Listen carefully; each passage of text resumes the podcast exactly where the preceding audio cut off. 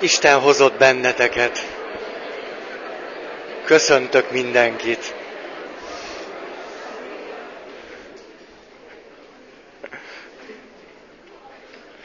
A múlt alkalommal azt nézem, hogy van-e még hely. Mutassátok, ha van valahol. Itt, itt van egy, ott van egy hely. Ott van egy pár.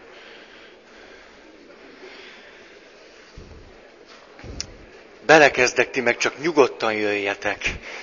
Szóval a vallási ítélet alkotásnak a szerkezetéről beszéltünk, arról, hogy hogyan lehetne megragadni egy kutatópáros tapasztalatai nyomán azt, hogy a lelkünknek milyen mély struktúrái alakulnak ki, a környezeti hatásokat is ide számítva, amelyek aztán megjellegzik azt, hogy a vallási ítéleteink milyen struktúra alapján tudnak kifejezésre jutni. Tehát egyáltalán nem arról beszélünk, hogy a folyamatnak mi jön ki a végén, hogy ki hogyan dönt, hanem arról, hogy ki, ha már nem az, hogy ki, tehát ha valaki dönt, akkor mi alapján fogja ezt a döntését meghozni. Mi lesz az az alapvető szerkezet, amiben beleágyazódnak az ő kérdésföltevései. A második szintig jutottunk el, azt nem tudom, hogy meg kell ismételnem azt a történetet, egy picit megismétlem néhány szóban, azért, ha valaki nem volt, akkor annak nem volna érthető sok-sok kijelentés. A kutatók úgy vizsgálták a vallási ítéletalkotás szerkezetét, hogy klasszikus dilemma szituációkat adtak föl. Egyet mondtam el nektek, valaki egy zuhanó repülőgépen fogadalmat tesz, ha ezt túléli, akkor elmegy és a harmadik világ betegeit és szegényeit fogja ápolni és gondozni egész életén keresztül. A menyasszony, aki őt várja, vagy követi őt ezen az úton, vagy ha nem, akkor szakít vele. És megmenekül a repülőgép szerencsétlenségben, és amikor hazaérkezik, néhány hét múlva fölajánlanak neki egy állást, 90 ember közül őt választják ki, hogy abban a kórházban dolgozhat, azért, mert nagyon tehetségesnek tartják őt, és ebben a pillanatban kellene eldöntenie azt, hogy megtartja-e a fogadalmát, vagy nem. Vagy egyáltalán mit tesz. És a lényeges kérdés nem is az, hogy mit tesz, hanem hogy miért teszi azt, amit tenni akar. És a második fokozatnak volt az alap gondolata az, hogy adok, hogy adj. Itt kölcsönös viszonyban vagyunk egymással, én meg Isten. De ez a kölcsönös viszony nagyon-nagyon egyszerű, arhaikus, többé-kevésbé mágikus jellegű. Ugye az első szintben arról van szó, hogy én egyáltalán nem vagyok szabad, Isten bármit megtehet, ő közvetlenül belenyúl az életem eseményeibe, én pedig egyszerűen csak fejhajtással tudomásul veszem, hogy a jó is, a rossz is, és minden tőle van. Egyáltalán nem tudom befolyásolni ezeket az eseményeket, sem szabadon nem tudok fordulni ehhez az Istenhez, mert ő teljes mértékben befolyásol és meghatározza az életem. És ennél már egy fokkal nagyobb lépés, hogyha valaki azt gondolja, hogy bizonyos ritusok, bizonyos előírások megtartása révén képes vagyok hatást gyakorolni Istenre. Mint ahogy Isten is képes hatást gyakorolni rám. Ezért aztán a kapcsolatunk kölcsönös, egyfajta kölcsönös, jóindulatú függésben vagyunk egymástól, ahol, és akkor ugye itt beszéltem erről, itt hagytam múltkor abba, hogy két véglet is elképzelhető. Az egyik, hogy Isten totálisan adósan nekem, ezért én élhetem úgy az életem, ahogyan csak akarom, mert Istennél van a labda, ő neki kellene még behoznia az adósságait. Ez van az egyik, egyik végponton. A másik végponton az van, hogy történt az életemben valamilyen esemény, amely úgy strukturálódik bennem, hogy ez azt jelenti, nekem egy életen keresztül törlesztenem kell az adósságomat Isten felé, egészen addig, ameddig mindent meg nem fizettem. E kettő között lehetnek a különböző döntéseink, ha ebben a második fokozatban éljük meg a hitünket. Egy példát hadd mondjak, egyszer-egyszer régebben már elmondtam ezt a történetet, egy zsidó emberről, aki egy édesapáról, akinek meghal a gyermeke. És hihetetlenül mérges és dühös Istenre. És azt gondolja, ugye ebben a második szintben van, hogy Isten adósává vált, már ő neki. Akkor eszébe jut az, hogy igen ám, csak hogy ő is követett el bűnöket mindaddig, ameddig a gyermeke meg nem halt. Ezért a következőt gondolja. Alkut fogok kötni Istennel. Odaállok elé, és azt mondom neki, Isten, bocsásd meg az én összes bűnömet, cserébe én is megbocsátok neked. Ezt gondolja, de azért a tradicionális vallásos neveltetése némi kételyt ébreszt benne, hogy ez így működik-e. Ezért elmegy a rabbihoz, és a következőt kérdezi tőle. Mond rabbi, én erre és erre a gondolatra jutottam, mit gondolsz, helyes volna ez így? Mire a rabbi fölkiált. Hogy gondolod, hogy Isten ilyen olcsón megúszhatja? Ez van tehát nyilván az első egyik végponton. Jaj, de kár, nem hallgathattam végig. Szóval ez van az egyik végponton, és tényleg egy puttonyra való történetet lehetne összehordani, hogy emberek mire szoktak hivatkozni, hogy az ő életükben történt egyetlen dolog, mert ez így szokott valahogy, valahogy az emberben rögzülni. És akkor ők elvesztették a hitüket, amelynek a mélyén nem erről van pusztán csak szó, hogy ő hitetlenné vált, hanem hogy ebben a rendszerben élte, vagy éli a hitét most is. És számára van egy pont, amelyben Isten az ő adósává vált. Márpedig, ha Isten az én adósom, akkor nekem nem kell tekintettel lennem rá, hiszen ő valamikor nem volt tekintettel én rám. Ezért ő neki kell valamiképpen engem kiengesztelni. Persze, most így is lehetne mondani, valaki hivatkozhat arra, hogy ő négy éves volt, amikor kapott egy macit, és az ő macikája beteg lett. Amikor négy éves, két hónapos lett, és ő Istenhez fordult, hogy gyógyuljon meg az ő macia. De az ő macia nem gyógyult meg, ettől kezdve ő nem szereti Istent. Ennek a történetnek nyilván megvannak a maga a felnőtt változatai. A lényeg, hogy beleágyazódnak ebbe a szerkezetbe. És nyilván a másik végponton pedig az van, hogy valaki valamilyen eseményre hivatkozva, persze ez lehet szimbolikus, azt mondja, hogy akkor történt velem valami, az Isten akkor nekem adott valami olyat, vagy, és ezek a nehéz helyzetek, mikor ő úgy értelmez egy helyzetet, hogy Isten megmentette az életét. Akkor kerül az ember bajba, Pontosan úgy, mint ebben a történetben, mert ez a struktúra nagyon ősi. A logikája szemet szemért, fogad fogért elv alapján épül föl. Vagyis, ha én életem egyetlen történését úgy jelenítem meg önmagam előtt, hogy itt az életem forgott kockán, és Isten mentett meg, akkor olyan adósává válok Istennek, hogy csak a teljes életem odaadásával tudom ezt az adósságot törleszteni. Elég kritikus szoktam azzal lenni, mikor valaki egy olyan élettörténetet mesél el, hogy ő ilyen formán adósa lett Istennek, és ezért jelentkezett papnak, vagy jelentkezik szerzetesnek, vagy nővérnek.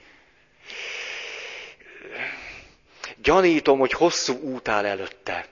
Természetesen, ha valaki ilyen indítatásból lép erre az útra, ez még önmagában se nem jó, se nem rossz. A kérdés, hogy, hogy képes-e ezt így végigélni, vagy nem, és hogyha kifullad ez az erő, hogy ő mindig csak fizet az Istennek, mert valamikor kapott tőle valamit, akkor tud-e fejlődni, vagy pedig kiábrándul. Hogy lefelé ívele az élete, vagy, vagy valamerre előre tud-e menni.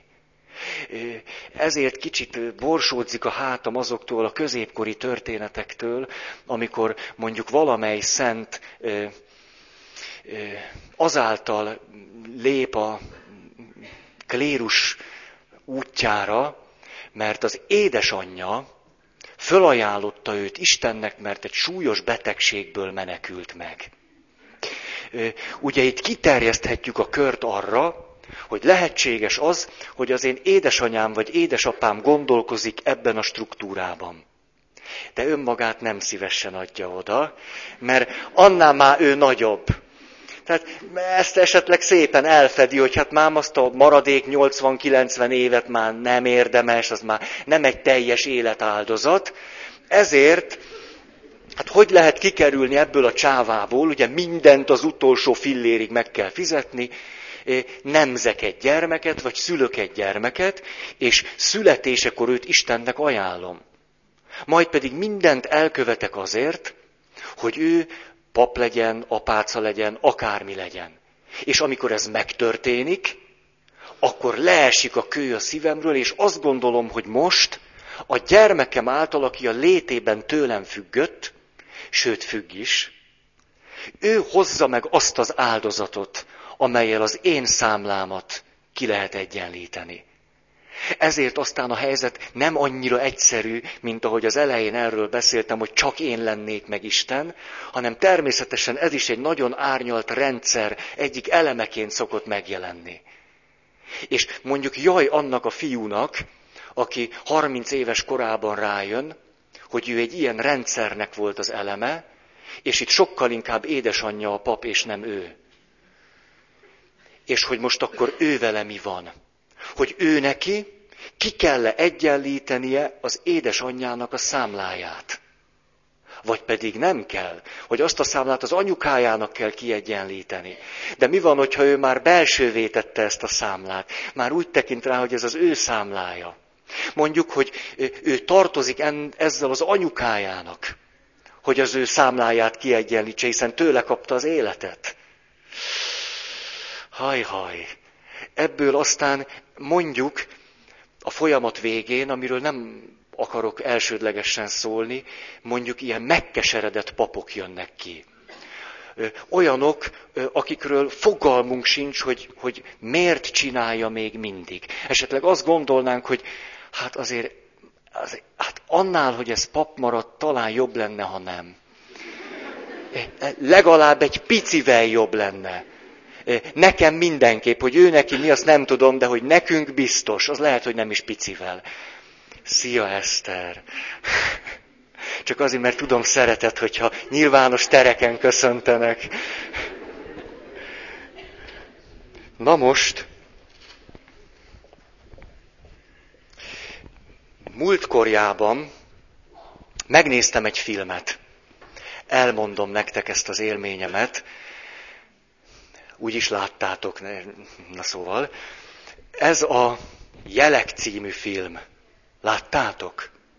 Nem. Hát persze, hogy nem, hát ilyet nem néztek meg. Hát, hova gondoltam? Hát, ha. Én minden esetre megnéztem. A filmet érdemes abból a szempontból megnézni, hogy azt ábrázolja, legalábbis a mostani megközelítésünk felől, mit jelent egy pap, mert Mel Gibson pap, persze, mi más lenne, hát hős, pap, mit ilyesmi. Vagy Mad Max, ilyen, na. Szóval pap. A második fázisban van, és akkor történik az életében egy esemény. Az történik, hogy a felesége egy véletlen, szerencsétlen autóbaleset áldozata lesz. Ebben a pillanatban megbicsaklik a hite, hiszen az egyensúly nem tartható tovább. Az Isten az ő adósává vált, és nem kerül egyensúlyba a helyzet. Ezért lemond a papságáról, megtiltja a környezetének, hogy őt atyának hívják, és már úgy feleséget, tehát ez egy ilyen nem katolikus. Na, jó, jó. És akkor a történetben hát, hogy ott néhány pszichológus biztos közreműködött, az tuti. Mert az egész ezek szerint, a klisék szerint megy. A legválságosabb pillanatban, amikor az ufonauták már az ajtón dörömbölnek, akkor megtiltja a gyermekeinek és a testvérének azt, hogy imádkozzanak Istenhez, mert az Isten elvette az ő feleségének az életét, majd összeborulnak, és már egymással, és erős, föltartott kézzel szembeszállnak a földön kívüli lényekkel. Ugye ez a második, na, ez a második fázisról a harmadik fázisba való átmenetnek a tipikus esete, mert a harmadik fázisban van az, hogy az ember csak magára számíthat. Isten sehol sincs, vagy ha van, úgysem szól bele, vagy ha van, arra jó, hogy a feleségemet megölje. Hát, ha pedig erre jó, akkor köszönöm szépen legyen, ahol lenni akar, ezért aztán csak magamra számíthatok, és Mel Gibson kimondja az összes ilyen mondatot, mindent, úgy arhetipikus, ahogy kell, mindent szépen-szépen egymás után, egy mondat sem maradt ki semmi, és a történetnek a misztikus vonulata ugye az, hogy közben pedig, és ezért tulajdonképpen ez az egy, ami miatt a film egy, picit mondjuk érdekesebb, mint hogyha csak ilyen akármi volna, hogy közben pedig a lelke mélyén megmarad ez a második fázisra jellemző struktúra. Tehát amiről nyilatkozik, amit mond, hogy nincs Isten, vagy ha van is rossz, és hagyjuk, és nem hallgat meg, és csak magunkra számíthatunk, ezt mondja, ezt gondolja, de a struktúra nem tudott ilyen gyorsan átalakulni benne. Ezért aztán keresi a jeleket. A feleségének az utolsó mondatai. A feleségének a, a halálos pillanatban az utolsó mondata az, hogy adj neki és üss egy nagyot. Ez ugye arra vonatkozik, hogy Mel Gibson testvére baseball játékos volt valamikor, és óriási nagyokat tudott ütni a labdába. Amikor a jelenet nagyon drámai, a földön kívüli lényt először láthatjuk élőben, karjában fogja az ártatlan beteg gyermeket, roppant, roppant reális helyzet, de a szívünket nagyon markolásza, és kábító, gyilkos gázt lehel ártatlan gyermek főhősünkre. A nézőtéren egy pisszenés hallik, következő jelenetben másodpercekig nem tudjuk, mi történt, majd a misztikus megoldás, ugye a jel, megmenekült a gyermek, mert az asztma megmentette, nem tudta belélegezni a gyilkos gázt.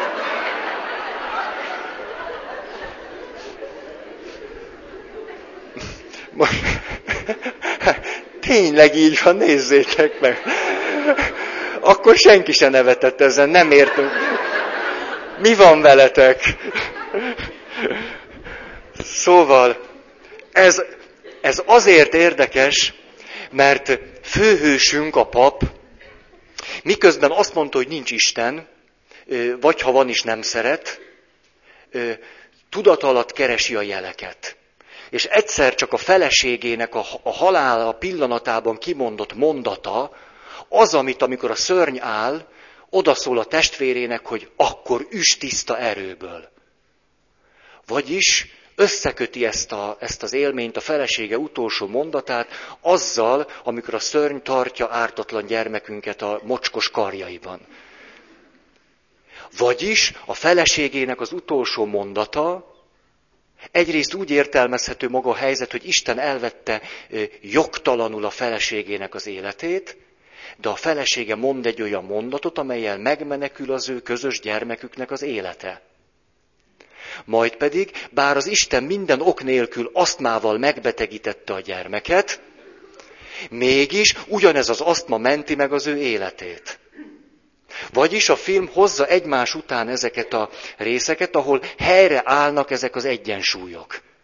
És végül az utolsó jelenet, Mel Gibson kolláréját, azt a fehér izét, tudjátok, ezt teszi be az ingébe, és látjuk, hogy ismét visszatért papi szolgálatához, megtérvén rájött, hogy Isten mégiscsak van, és nem csak, hogy van, hanem az ő életében is látványosan kiegyenlítette a számlát.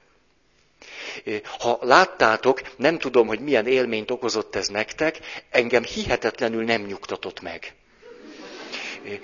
Egyáltalán nem közvetítette ez a film azt, hogy ezután az élmény után valami komoly, mély változás történt volna főhősünkben, és a hitnek valami elmélyültebb fokára jutott. Sokkal inkább arról szól, hogy a, a hit kísértéseiben már majdnem egy kicsit elmélyült a hite, de aztán válsághelyzetben sikerült ismét visszatérnie ez a második szinthez. És a film pusztán csak annyit üzen, legalábbis innen nézve, hogy kisbuták, hát látjátok, az Isten mégiscsak mindig kiegyenlíti a számlát, mégiscsak rend van ebben a csúnya világban, ne féljetek tehát. Körülbelül ez az üzenete elég lehangoló.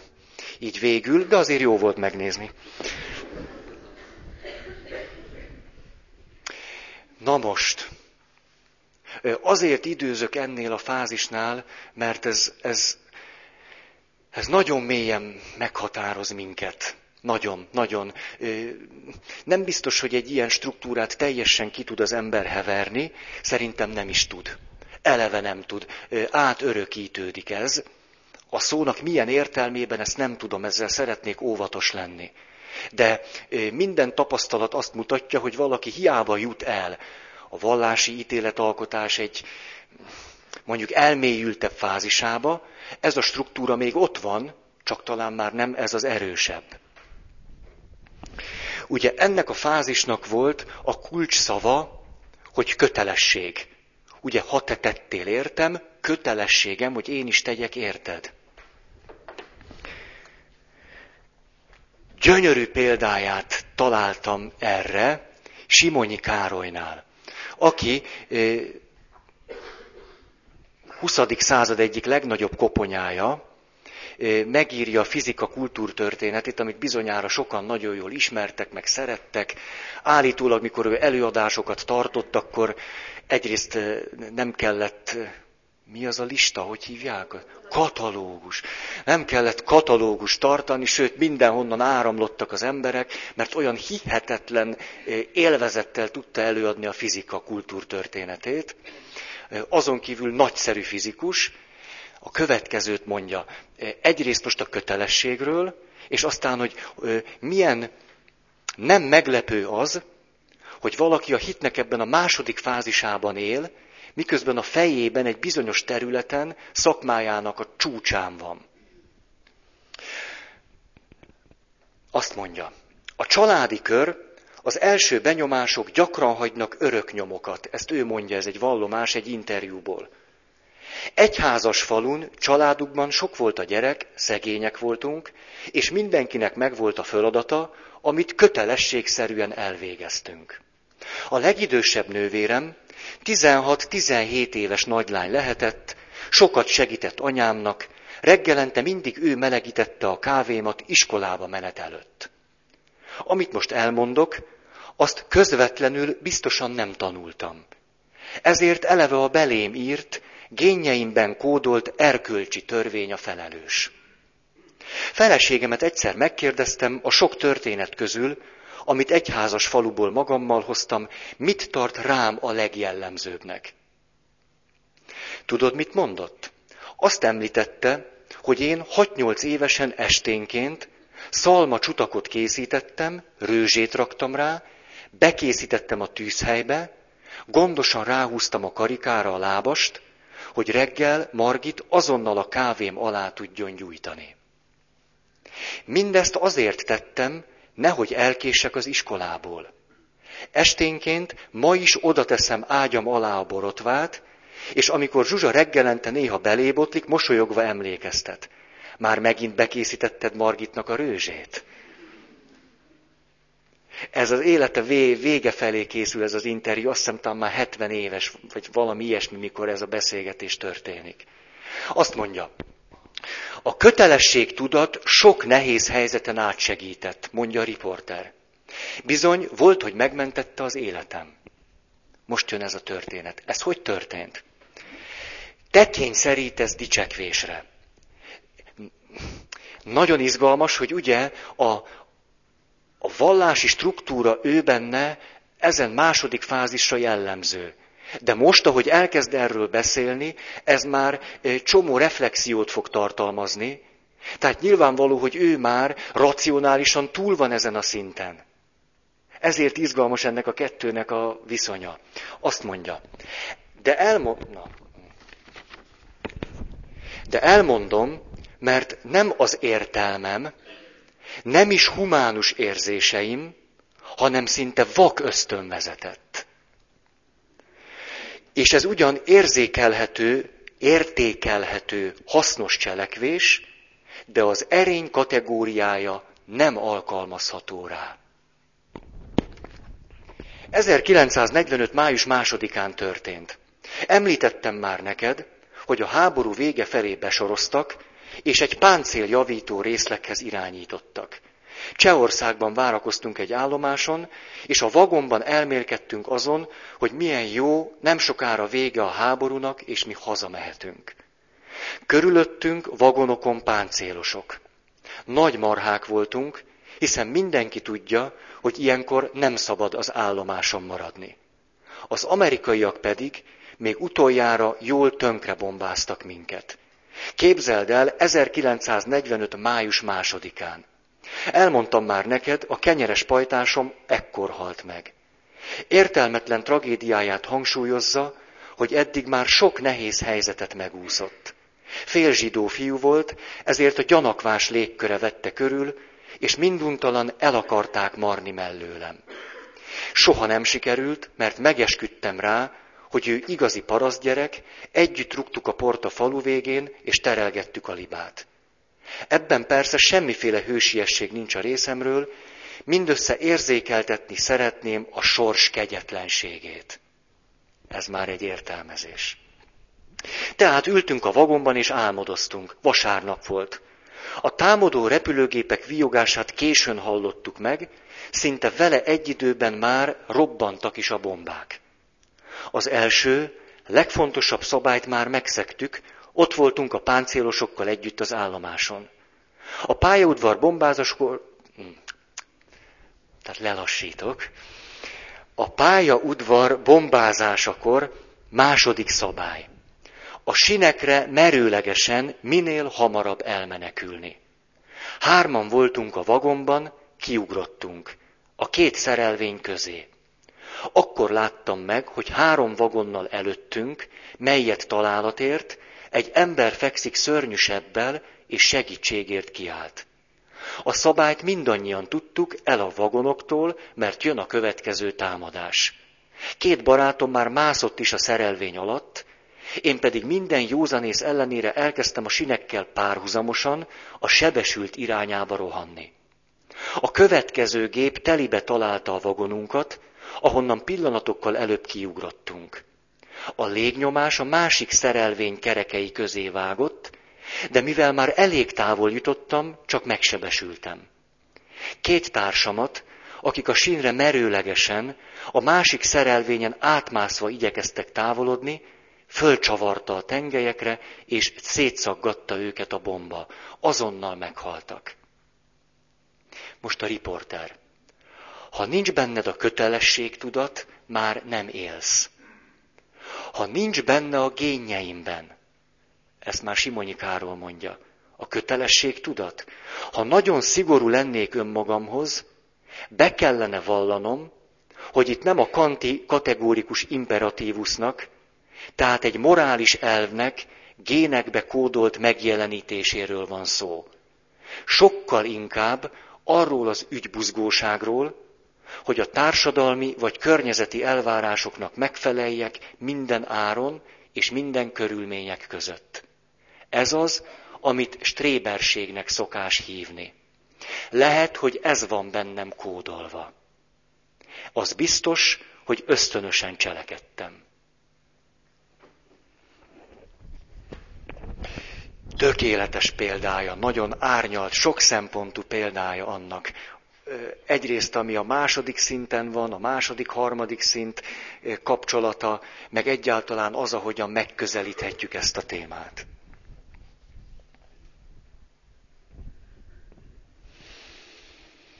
Harmadik fokozat. Mondom először azokat az egymondatos kijelentéseket, amelyeket az interjúban mondtak az emberek, hogy ők miért is tennék azt, amit tesznek. Már a repülőgép szerencsétlenség kapcsán. Azt mondja, az ember nem köthet Istennel üzletet, vagy ha igen, akkor rosszul teszi. Nem azért kell jót tenni, mert Istennek megígértem, hanem azért, mert ez az én meggyőződésem, vagy a lelkiismeretem ezt diktálja. Nekem lelkiismeret furdalásom lenne, ha a jó lehetőségeimet elszalasztanám. Itt az Isten és az ember világa ketté szakad, ketté szakítatik. Az Isten alig vesz részt ennek a világnak a történéseiben, az ember felelős a saját életéért, a mérce nem az Isten, nem is ez az adok-kapok, hanem az én meggyőződésem, az én lelkiismeretem. Nincs üzlet Istennel. Önmagamhoz kell hűnek lennem.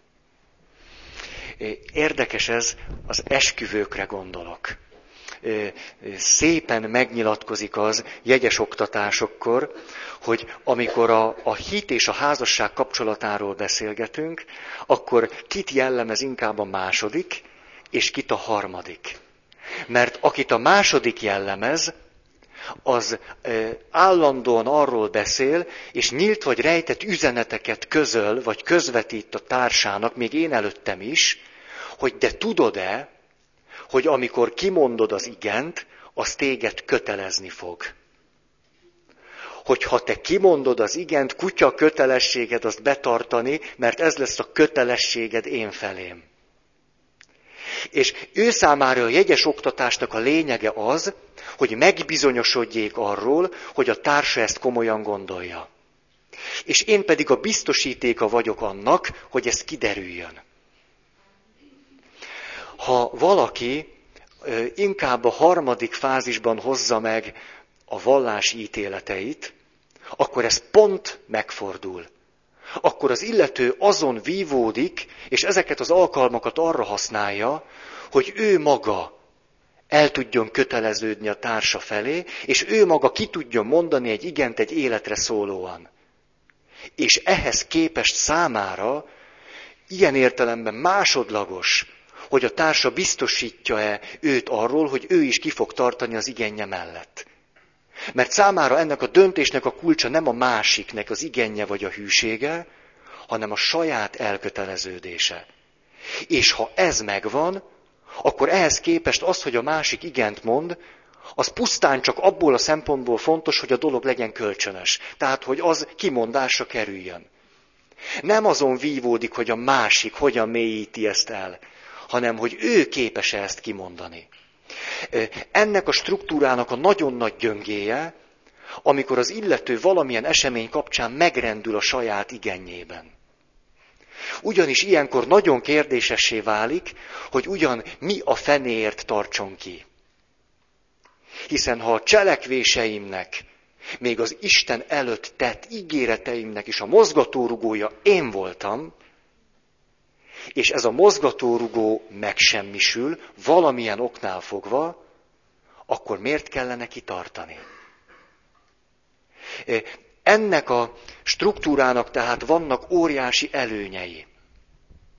De megvannak éppen az előnnyel összeköthető nagyon nagy hátrányai. Ez a struktúra tehát nagyon jellemző a ma emberére.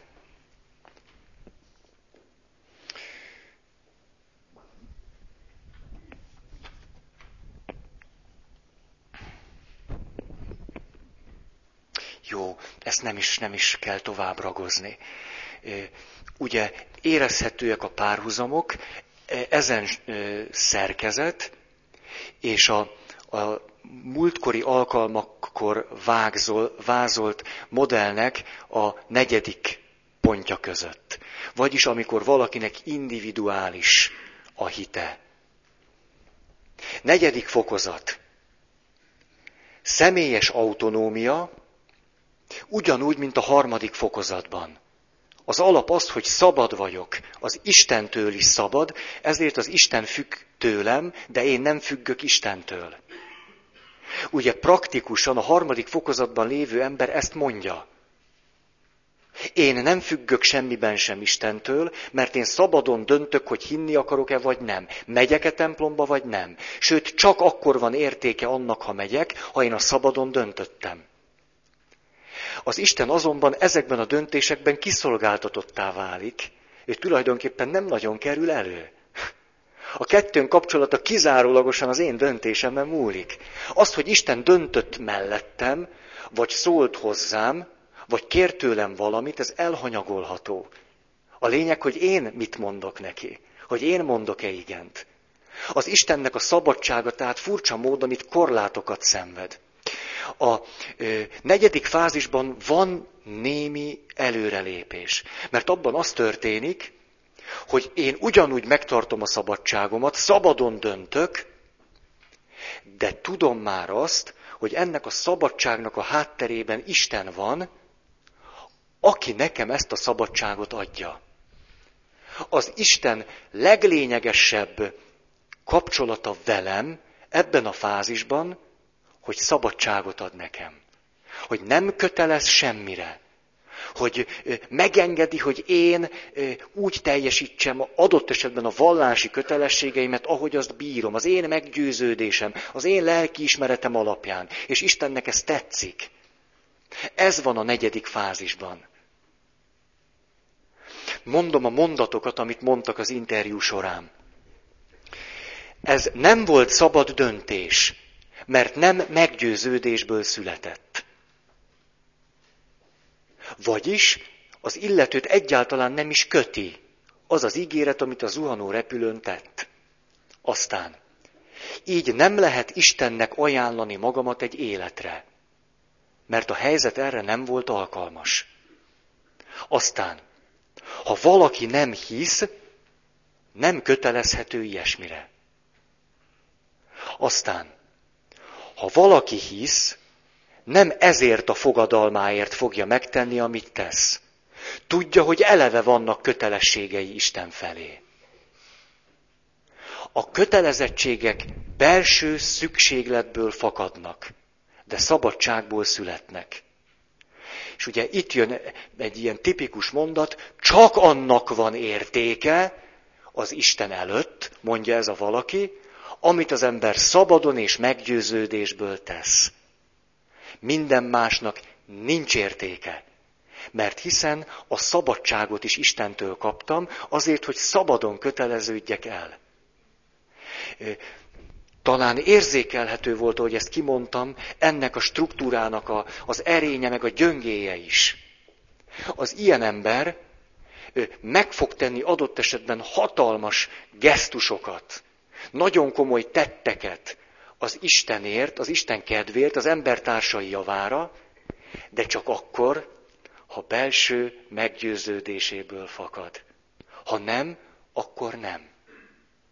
Mert azt mondja, hogy akkor azt legfőjebb kötelességből tenném. Annak meg nincsen értéke, ha ezt csak kötelességből teszem. Ezért az illető adott esetben alapvető kötelességeit is elhanyagolja. Mert azt mondja, el kell jutnom arra a fázisra, ahol ismét egy meggyőződésből hozott tett alapján fogok valami jót csinálni. Ha nem így történik, ez sokszor megfogalmazódik ítéletként, az nem is jó. Az nem is érték, amit az ember csak kötelességszerűen tesz. Simonyi Károly is mond valami hasonlót. Amit én tettem, az tulajdonképpen ilyen érték alapján nem minősíthető. Vagy ha minősíthető, az értéke nulla. Ezt mondja. Mert puszta kötelességből tettem.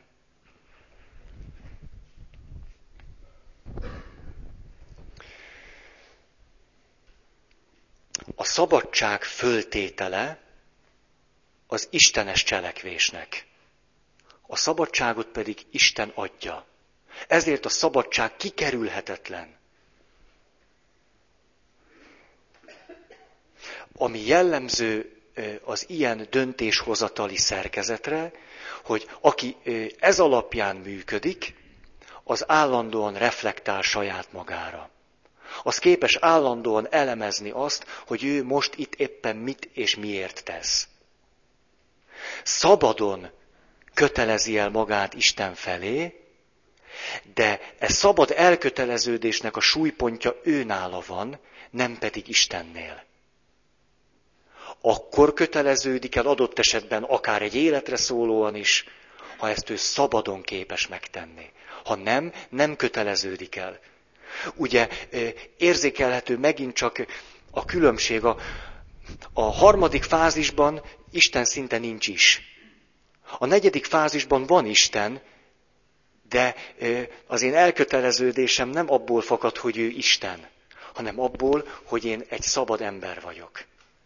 Az ember oldaláról történik az elköteleződés. Ezt Isten nem motiválja. Isten csak a szabadságot adja.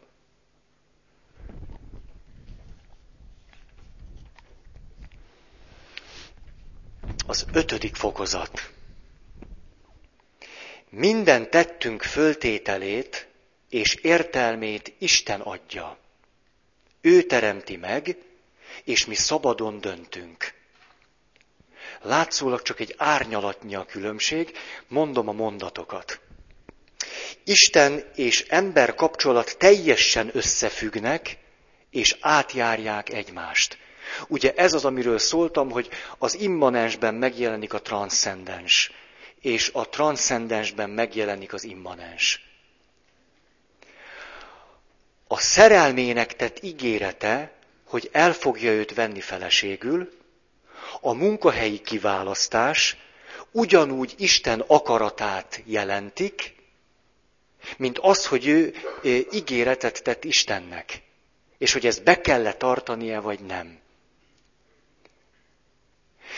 Itt tehát nem egy-egy kulcs esemény köré szerveződik az élet, hanem az illető azt látja, hogy az életben folyamatosan jelen van Isten, és folyamatosan ilyen döntések elé kerülünk, és a különbség nem az, hogy az egyikben Isten kér tőlem valamit, a másikban meg csak úgy tehetek szabadon valamit, hanem valamiképpen mindenben megjelenhet az Isten akarata, ezért tulajdonképpen mindig azon kell vívódnom, hogy az Isten akarata közül melyiket tegyem.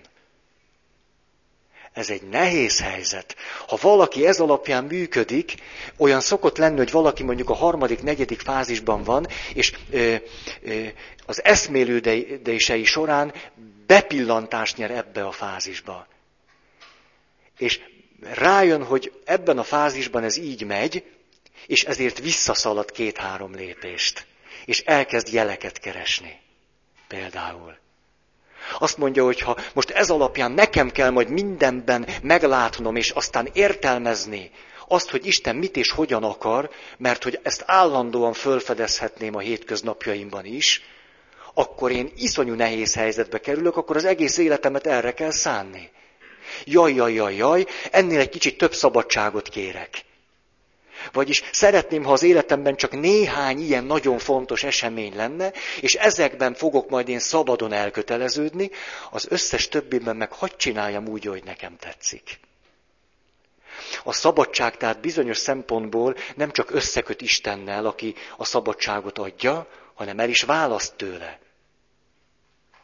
Az ötödik fázisban azonban ez a dilemma kiéleződik. Ott állandóan kell vívódnom ezen. Ezért az ötödik fázisban megjelennek olyan jellegzetességek, amelyek a másodikra jellemzőek. Hogy valaki látszólag kötelességet teljesít. De ez már nem az, mint a második fázisban, hanem valami olyasmi, hogy az illető fölfedezte azt, hogy az életnek nagyon apró területein ő egy személyes elköteleződéssel szolgálhat Istennek. A második fázisban szó sincs személyes elköteleződésről, csak kötelesség teljesítésről. A személy nincs mögötte. Csak a kötelesség van.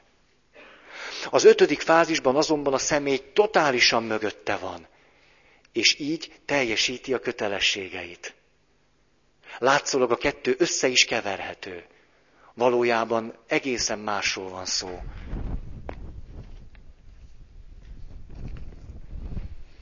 Isten és ember között egyértelmű és fölbonthatatlan kapcsolat és kommunikáció van. A kutatók, ez a két kutató kulcsszavául az ötödik szintnek a kommunikációt jelölte meg. Egy folyamatos kihívás arra, hogy folyton folyvást beszéljek Istennel. Természetesen az élet leghétköznapibb dolgain keresztül. A hatodik fokozat.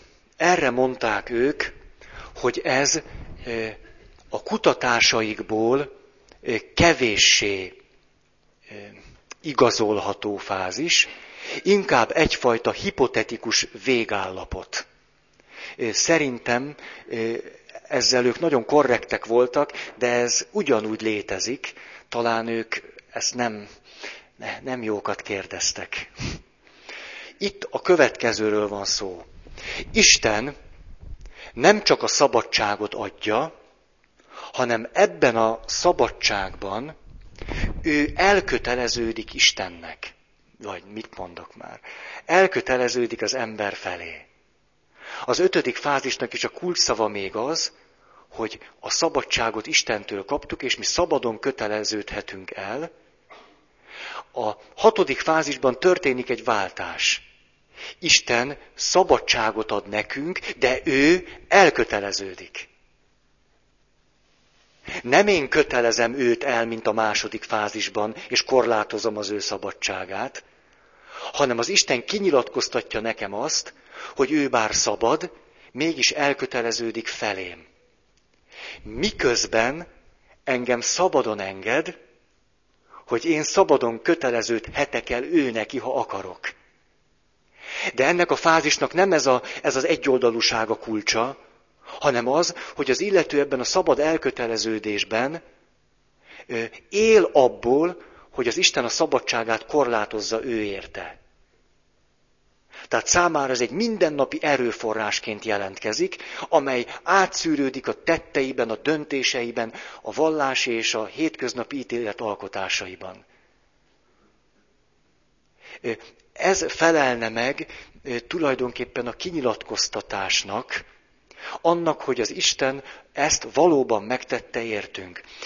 Nyilván ezért nevezik nagyon korrektül egy hipotetikus modellnek ezt, mert ők ezt a teológiából vezetik le, a kinyilatkoztatásból.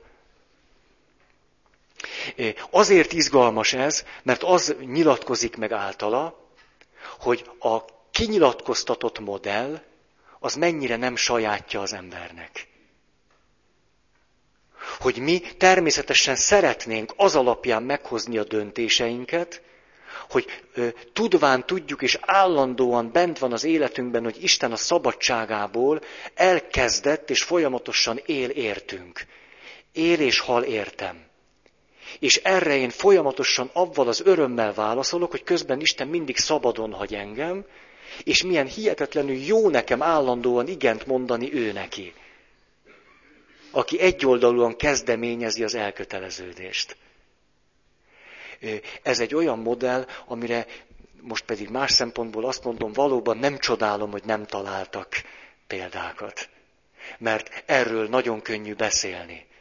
De hogy valóban ez határozza-e meg, úgy a szívünk mélyén a döntéseinket, erre már valóban lehet azt mondani, hogy nem csodálom, hogy ilyenre kevés példát találtak. Párotokkal beszélgettem a múlt héten, nagyon érdekes másodperc tört része alatt hozott döntésekről számoltatok be. Nagyon élveztem ezeket. Izgalmas, hogyha ezt valaki megtette, és tudatosította magával, hogy ő benne milyen ösztönös modell létezik.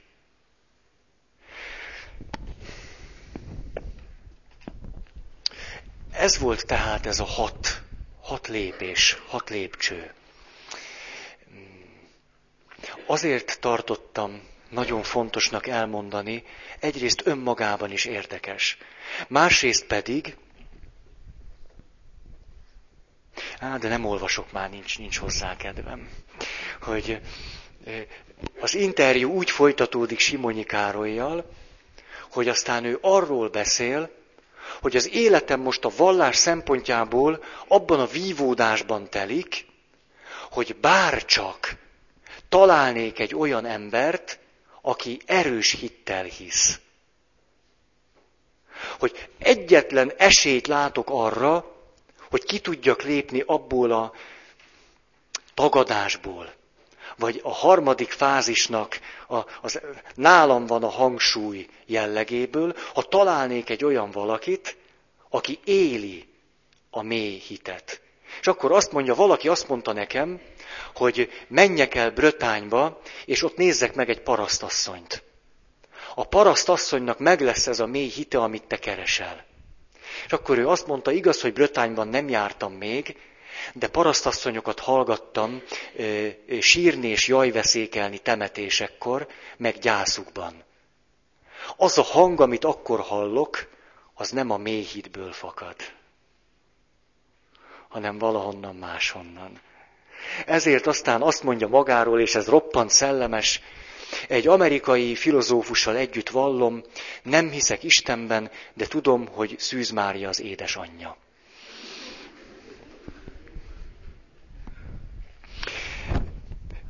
Most jön az, ami, amit én most nagyon szívesen fogok elmondani, nem tudom, hogy nektek hogy fog esni.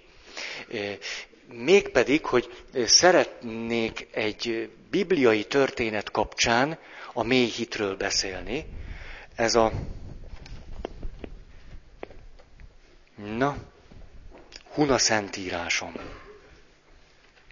Nem hoztam el. Hát ez jó. Van-e valakinél szentírás? Jaj, de jó. Azt a köszönöm szépen. Ez a Máté 15, 21, 28.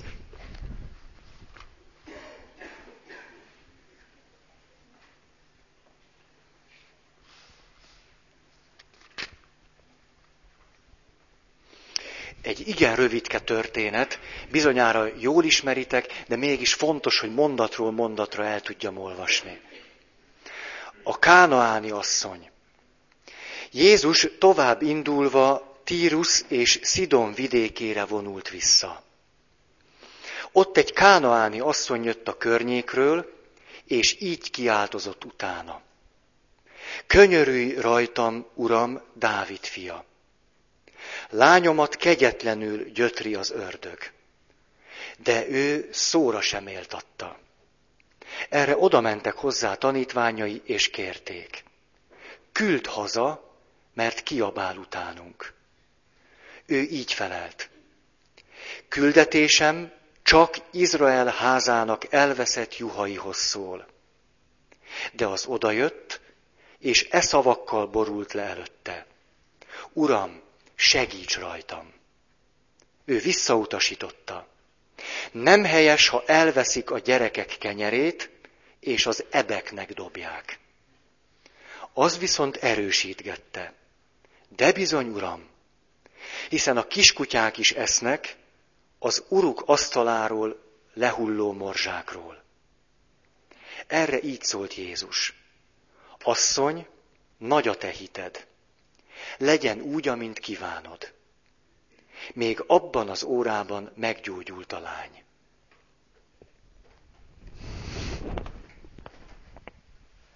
Ez a történet az egyik kedvencem szeretném elemezni. A négy pont az elemzés, az első.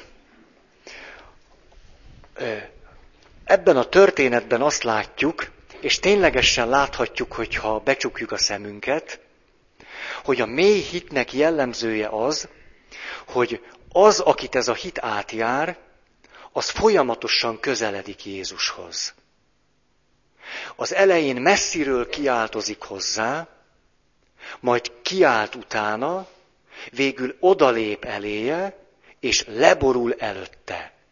Majd pedig ott kezdenek tovább beszélgetni. Tehát ami a térben megtörténik ebben a történetben, az nyilván egy belső folyamatként is fölfogható, szimbolikus. A mélyhit jellemzője az, egyik alapjellemzője az, hogy mer közel merészkedni Jézushoz. Most a Jézus helyére betehetitek azt, ami nektek tetszik. Most én katolikus papként mondom azt, amit mondok. Ha csak a hittel kapcsolatos kijelentéseket akarjátok hallani, akkor legyen ott nektek, amit ti szeretnétek. De az biztos, hogy egyre közeledek ahhoz, akiben hiszek, akiben bízok, és akibe a bizalmamat vetem, illetve vetettem. Ez azért olyan jelentős, mert nagyon sokan vannak vallásos hívő emberek, akik távolról kiáltoznak, akik viszonylag közelről kiabálnak, akik odalépnek, de nem térdelnek le, akik odalépnek, de nem szólnak, akik igazából ezt a személyes kapcsolatot nem veszik föl. A messzeségnek nagyon sok előnye van. Ugyanis az Istennel személyes kapcsolatba kerülni, az roppant veszélyes. Nagyon veszélyes, mert abban egy csomó-csomó lehetősége van annak, hogy az Isten olyasmit fog tenni, mondani, kérni, szólni, amit én nem szívesen hallok. Ezért rengeteg ember úgy hisz hitetlenül Istenben, hogy mindig csak akkora távolságig engedi őt közel Istenhez, vagy magát Istenhez, hogy amit onnan a messziből hall, az még ne legyen túl nagy kihívás. Ne érintse őt, e, őt nagyon, a szíve mélyén. Ne legyenek annak a közelségnek nagyon súlyos következményei. Ha megszelidítem Istent, felelős leszek érte. Ha hagyom, hogy Isten megszelidítsen engem, azért is felelős leszek. De közel kerülni Istenhez pontosan ugyanúgy, mint bárkihez ezen a földön, még a mondjuk kókuszpálmámhoz, vagy nem tudom, tengeri malackámhoz, az nincs. Kókuszpálma van. Nagyon nagy felelősség. Ha már olyan közel kerültünk egymáshoz, hogy egy lakásban lakunk, ez egy csomó követelményt jelent. Öntözni azt a nyomorult virágot, nem növényt, nagy kihívás. Kivéve, hogyha növénymániás vagyok, akkor nem, akkor öntözöm nyakra főre és kirohasztom. De már egy, egy növénynek a jelenléte is hihetetlenül bosszantó tud lenni amikor azt öntözni kell. Amikor csak úgy van és szép, akkor jó, ugye? De ha öntözni kell, a fene egye meg, el fogok késni. Majd holnap. Ez ismerős, ugye? Na most Istenhez közel kerülni, és azt mondani neki, hogy jó, jó, de majd holnap, elég hülyén hangzik. Ezért az ember egy ösztönös távolságot tart tőle az asszony, aki közel kerül Jézushoz, ezzel ö, kiteszi magát annak a válasznak, hogy Isten azt mondja, nem. És akkor ugye nagyon nagy kérdés, hogy mi is van az ő hitének a mélyén. De majd ide még, még el kell jutni. Az asszony tehát nem fél a következményektől. Ezt lehet mondani jöjjön, aminek jönnie kell, először kell közel kerülnöm Istenhez, és csak utána jön az, hogy meghallom az Isten mit vár tőlem. Nem úgy megy, hogy jó messze ülünk egymástól, és akkor így piszkálgatom őt, hogy na, mi, mi, mire gondoltál? És akkor utána még ebben a biztonságos távolságban elmondom neki, hogy ja, azt nem, nem, nem, azt nem, nem, nem, nem. Hanem Vállalom azt, hogy először a közelség, és hogy utána mi jön ki belőle, azt nem tudhatom. A mély hitnek jellemzője tehát az, hogy hajlandó belemenni olyan helyzetekbe, amelynek a végkifejlete nincs az ő kezében. Nem adott. Előre nem írható le. Lásd, szentségi házasságkötés. Szentségi házasságnak a végkifejlete nem adott, nem írható le, nincsenek biztosítékok. Ezért ma nagyon sok ember azt mondja, hát akkor, ha, majd bolond leszek. Csináltatok már olyat, hogy kirándulás.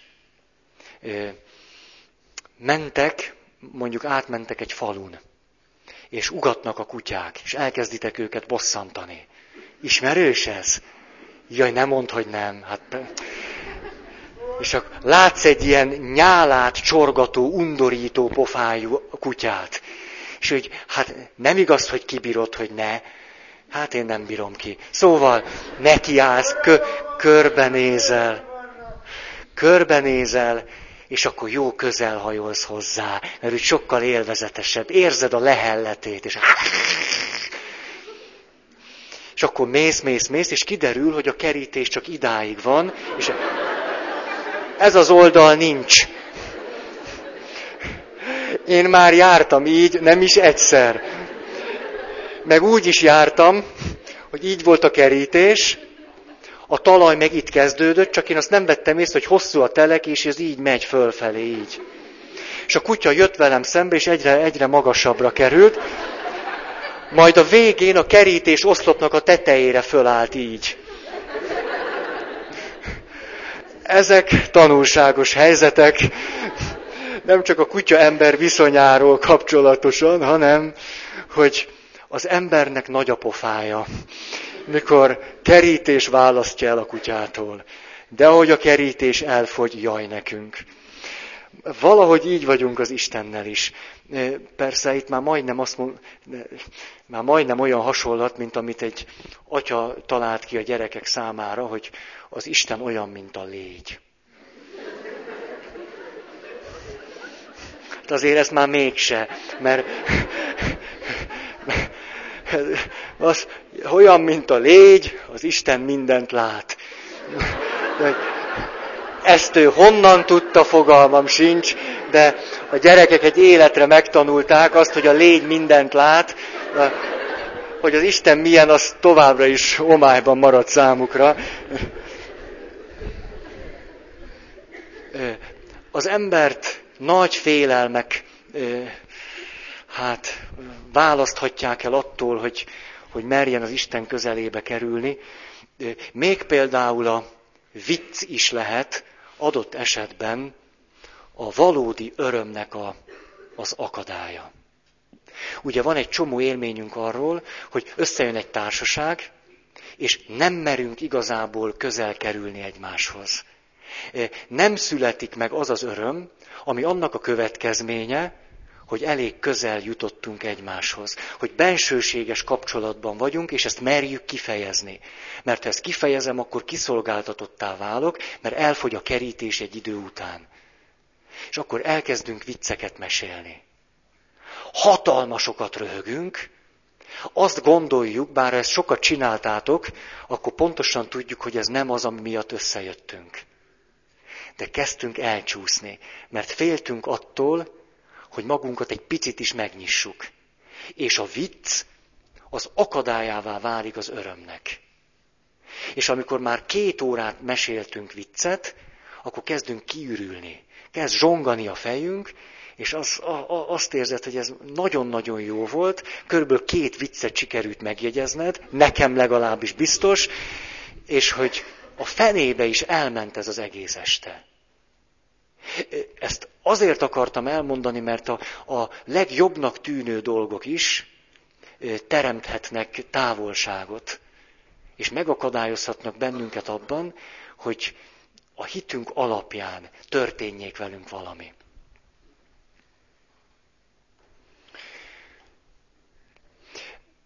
Az elmélyült hitnek tehát végső mondat itt az első ponttal kapcsolatban, a, az indító rugója nem a biztos vagy várható következmény, hanem az a bizalom, amit abba a helyzetbe, és abba az emberbe vagy Istenbe vetek, akivel kapcsolatban a hitemet megélem. Nem azért lépek hozzá közel, mert tudom, hogy ő engem nem fog bántani. Hanem azért, mert bízok benne, meg bízok magamban is, és bízok a kapcsolatunkban, amelybe az is beleférhet, hogy ő megbánt engem. Hogy olyasmit fog mondani, ami nekem nem esik jól. Van egy barátom, nagyon tisztelem őt, évente egyszer elmondja nekem, hogy Feri, kérlek, hogyha azt gondolod, hogy hülyeséget csinálok, mindenképpen mondd meg nekem. Majdnem biztos lehet benne, hogy tiltakozni fogok, és le foglak hülyézni. De kérlek, tedd ezt meg nekem, mert el fog telni néhány nap, vissza foglak hívni, és be fogom látni, hogy igazad volt. Vagy hogy legalább azt tudom majd mondani, hogy köszönöm, hogy ezt elmondtad. Ez, ez jó. Jó, hogyha valaki, valaki ezt meg tudja ajánlani a másiknak. A, még mondom, a második pont, hogy nem csak közel mer merészkedni. Ahhoz, akivel kapcsolatban ezt a hitét éli, han egészen közel, hanem a, a hitének azt a konkrét kérését, vagy dolgát, azt kitartóan, de rugalmasan képviseli. Ennek a hitnek, a mély hitnek jellemzője az, hogy nagyon konkrét, roppant konkrét, nem elvont. Vannak ö, ö, olyan emberek, akik nagyon mély hitet élnek át általában, de soha nem élnek át ilyet konkrét helyzeteket átélve. Úgy soha, soha. Minden konkrét helyzetben megremegnek. De mikor kikerülnek a konkrét helyzetből, akkor tudnak arról beszélni, hogy mit jelent a mély hit. De azt nem tudják megélni bizonyos helyzetekben. Itt tehát arról van szó, hogy az asszony egy nagyon konkrét dolgot egyértelműen és álhatatosan kér, de ez nem elég. Nem elég a kitartás. Találkoztam emberekkel, akik egy életen keresztül, évtizedeken keresztül hihetetlen álhatatossággal és kitartóan fordultak Istenhez és kértek valamit. Viszont irgalmatlanul rugalmatlanok voltak. Vagyis az Isten mondott nekik már 25 dolgot, és ők abból semmit nem hallottak meg. Mert számukra a hit és a kitartás egyet jelentett azzal, hogy csak arra vagyok nyitott, amit az Isten ad nekem, ha ő azt adja, amit én kérek. Nagyon-nagyon mély volt az ő hitük, de csak arra, hogy az Isten adja meg nekik, amit ők kérnek. Betegágyom, szoktam ilyesmit tapasztalni. Látszólagos, nagyon mély hitet, ahol az illető éveken keresztül végtelen kitartással fohászkodik Istenhez. Nagyon nagy kitartással, nagy álhatatossággal, végtelenül mereven. Rögzül, rögzül abban a helyzetben az ő Isten kapcsolata, és sem nem lép egy picit se. Mert Isten nem úgy válaszol, ahogy ő szeretné. Kell hozzá a rugalmasság. Az asszony hihetetlenül rugalmas. Kér valamit Istentől, mire Jézus azt mondja, szó, nem is mond neki semmit. Az asszony kitartó, és megy hozzá közel. Nem mondja azt, miután Jézus azt mondja neki, hogy szó sincs róla. Mit képzelsz te? Nem hozzád jöttem. Erre az asszony nem mondja azt, mondjuk végtelen rugalmasságában, hogy ja, Ja, most nem. Jó, hát jó, jó, hát rugalmas vagyok, most nem, majd akkor legközelebb, és elmegy. Tehát az sem elég, hogy valaki csak rugalmas legyen. Vannak nagyon rugalmas hitű emberek. nagyon végtelenül rugalmasak, mondanak valamit, nem úgy van, már mennek is tovább. Jó, hát nem, szinte nincs is Isten kapcsolatuk, csak rugalmasak, pattognak össze-vissza. Az asszonyban megvan ez a kitartás, és a rugalmassága abban nyilatkozik meg egyrészt, hogy folyamatosan kéri ugyanazt, de közben állandóan alkalmazkodik a helyzethez. Közel megy, mert úgy kell. Ha már ott van, letérdepel. Jézus mond valamit, ő arra válaszol. Nem háborodik föl azon, hogy azt mondja neki Jézus, hogy nem hozzád jöttem. Ugye ez egy klasszikus eset, az Isten válaszol nekem egy közelségben valami olyasmit, ami nekem nem tetszik, és én fölháborodva ezt számon kérem rajta. Ebben a pillanatban a gyönge hitem működik. Ezt nagyon sok ember teszi így. Kérek valamit Istentől, ő nem reagál úgy, ahogy az én hitem alapján ő neki reagálni kéne, és én ebben a pillanatban nem folytatom a kérést, hanem számon kérem ezt rajta. Vagyis, Uram, mit képzelsz te, hogy lehetnél te a világ üdvözítője, ha velem így bánsz? Látod, én így fordulok hozzád, és nem elég, hogy elutasítasz, ilyen durván csinálod. Te engem kutyának nevezel. Uram, ez méltatlan hozzád. A lényeg pedig az, hogy itt megbicsaklik a folyamat.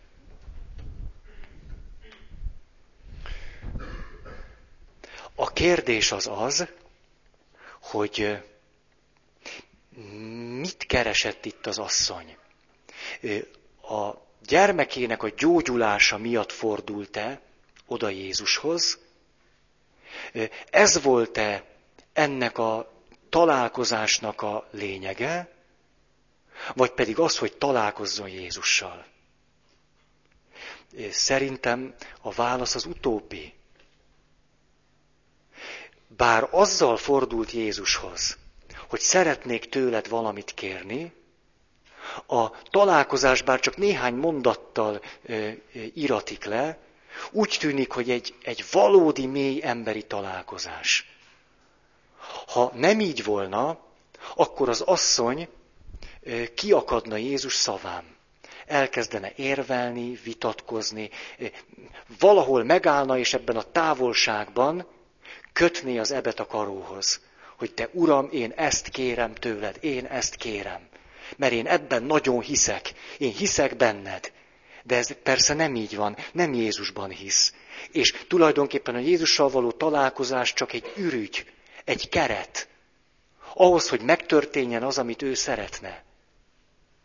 A mély hitnek jellemzője az, hogy amikor benne vagyok, akkor másodlagossá válik az, amit adott esetben kérek vagy amire várok, vagy amit szeretnék, vagy ami miatt odafordulok Jézushoz.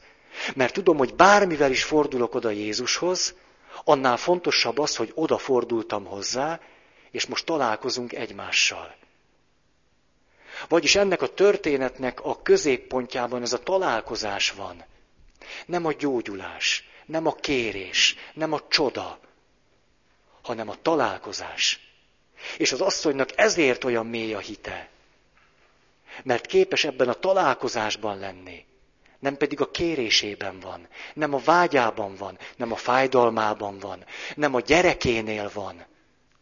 Nagyon sok ember, aki kérven kéri Istent, az egész tudatát kitölti a gyereke. Mert az beteg. Kitölti a saját élete. Mert hát mi másért fordulna Istenhez. Itt pedig az egész keretet maga a találkozás tölti ki.